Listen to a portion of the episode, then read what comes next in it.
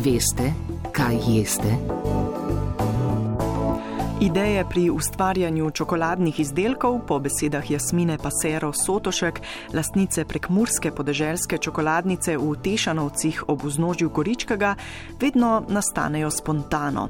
Navdih skupaj z možem iščeta v menjavanju letnih časov ter lokalnem okolju in tradiciji. Zato tudi čokolada z okusom bučnega olja, bezga, ajde, prekmurske gibanice, jurke in traminca. Ja, včasih uh, gre to kar hitro, no, včasih pa dejansko rabi čas in uh, je tudi precej ponesrečenih poskusov, tako da vse ideje ne zaživijo. Tako da vedno se išče no, navdih v naših prekmorskih gričih in ravnicah. Osnova je torej zbirka pralinejev, v kateri so domačim, lokalnim okusom nadeli čokoladno preobleko. Ja, tukaj v čokoladni vitrini najdete seveda nekaj klasike, kot ste omenili, od te eh, mlečnih, temnih in eh, belih eh, čokoladic, potem pa je tudi kaj zvrta, se pravi žajbel, meta, pehtran, nekako poskušamo potem tudi uporabiti ta domača dišavnica oziroma zelišča. Večina ima pri okušanju najprej pomisleke, razloži Jasmina Pasero Sotošek. Predvsem pri poskušanju čokoladnega prelineja z bučnim oljem, kateri se je potem izkazal kot enih naših najbolj iskanih izdelkov. Zdaj skozi leta pa dejansko prav iščejo nekaj posebnega, nekaj, kar se v trgovinah ne da dobiti. Nadomestek, ki je izdelan izključno iz sladkorja, je na hitro težko ločiti od prave čokolade. Ta mora biti tako aromatična, da v ustih spodbudi mešanico okusov. Čokolado praviloma ne smemo gristi, ampak jo damo na jezik in pustimo, da sama razvije arome in okuse.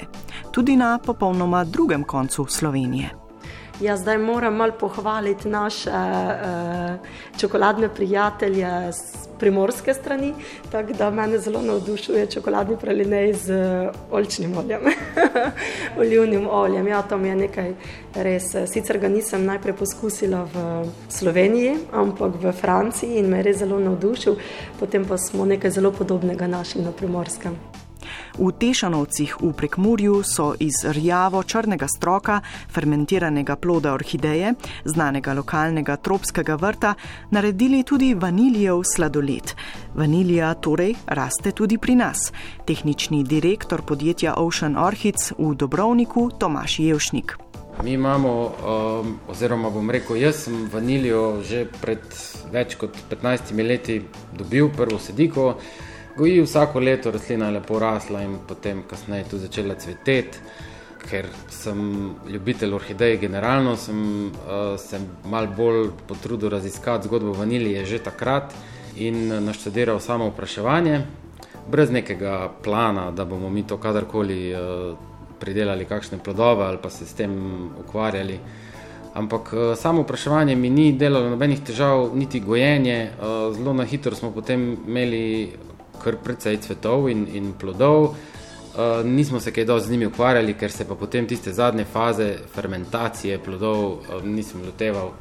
Bolj se mi je šlo za to, da rastlina lepo raste, da se da vidi, da cveti in da se še kak uh, plod formira na njej. S časoma smo potem ugotovili, da rastline res lepo rastejo in, in tudi razmnoževanje ni delalo nobenih težav in je bilo teh vanilij vedno več. In smo pred parimi leti imeli preko 200 cvetov in praktično 100% uspešnost pri opraševanju, kar je redkost.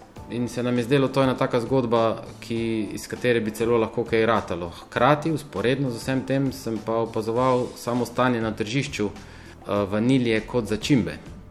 Med letoma 2010 in 2015 je cena vanilije na tržišču zelo nihala, predvsem glede na vremenske pogoje na Madagaskarju, kjer je večina proizvodnje. Potem se je pa v zadnjih letih zelo stabilizirala cena in to zelo visoko, na okrog 500 evrih, kar mi je postalo zanimivo in, in sem začel še bolj raziskovati to, zakaj je obvisela cena na tem nivoju. Za kilogram? Za kilogram okrog 500 evrov za kilogram posušene, torej fermentirane začimbe, vanilije. In ugotovil sem to, da je pravzaprav zelo strmo narašča popraševanje. Eh, večina podjetij, ki so porabniki vanilije, kot so te razne firme, ki delajo čokolado po celem svetu, pravzaprav slaščičarji, kozmetična industrija zelo ceni naravno vanilijo, in ker se skuša izogniti umetnemu vanilinu, in zato je cena že iz tega vidika rasla. Drug problem je pa preprosto to, da, so, da je vedno več težav z vremenom na Madagaskarju, ki predstavlja problem pri proizvodnji in jim zelo nihajo cene preko let. In so v določenih letih pravzaprav ostanejo brez pridelka zaradi orkanov ali pa suše. Potrošnja vanilije, predvsem v zahodnem svetu, še vedno raste. Zato želijo tudi v prekmurskem dobrovniku v prihodnje nasad razširiti.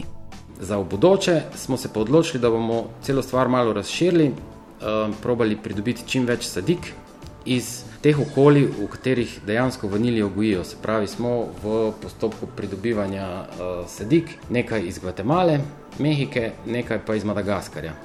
Da, bi, da dobimo čim širši nabor uh, sort, ki se dejansko komercialno gojijo v tropskih krajih, in jih probati gojiti naprej in videti, kam pridemo čez nekaj časa. Zadeva je zelo počasna, um, rastline, sadike, torej, ki jih dobiš, šele čez tri leta prvič cvetijo postopek zorenja plodov traja 9 mesecev, in potem še postopek fermentacije traja nekje 4 do 6 mesecev. Se pravi, če se danes odločimo, da zadevo razširimo, se bomo v nekem rezultatu, v, nekih, eh, v nekem pridelku pogovarjali čez najmanj 4 leta.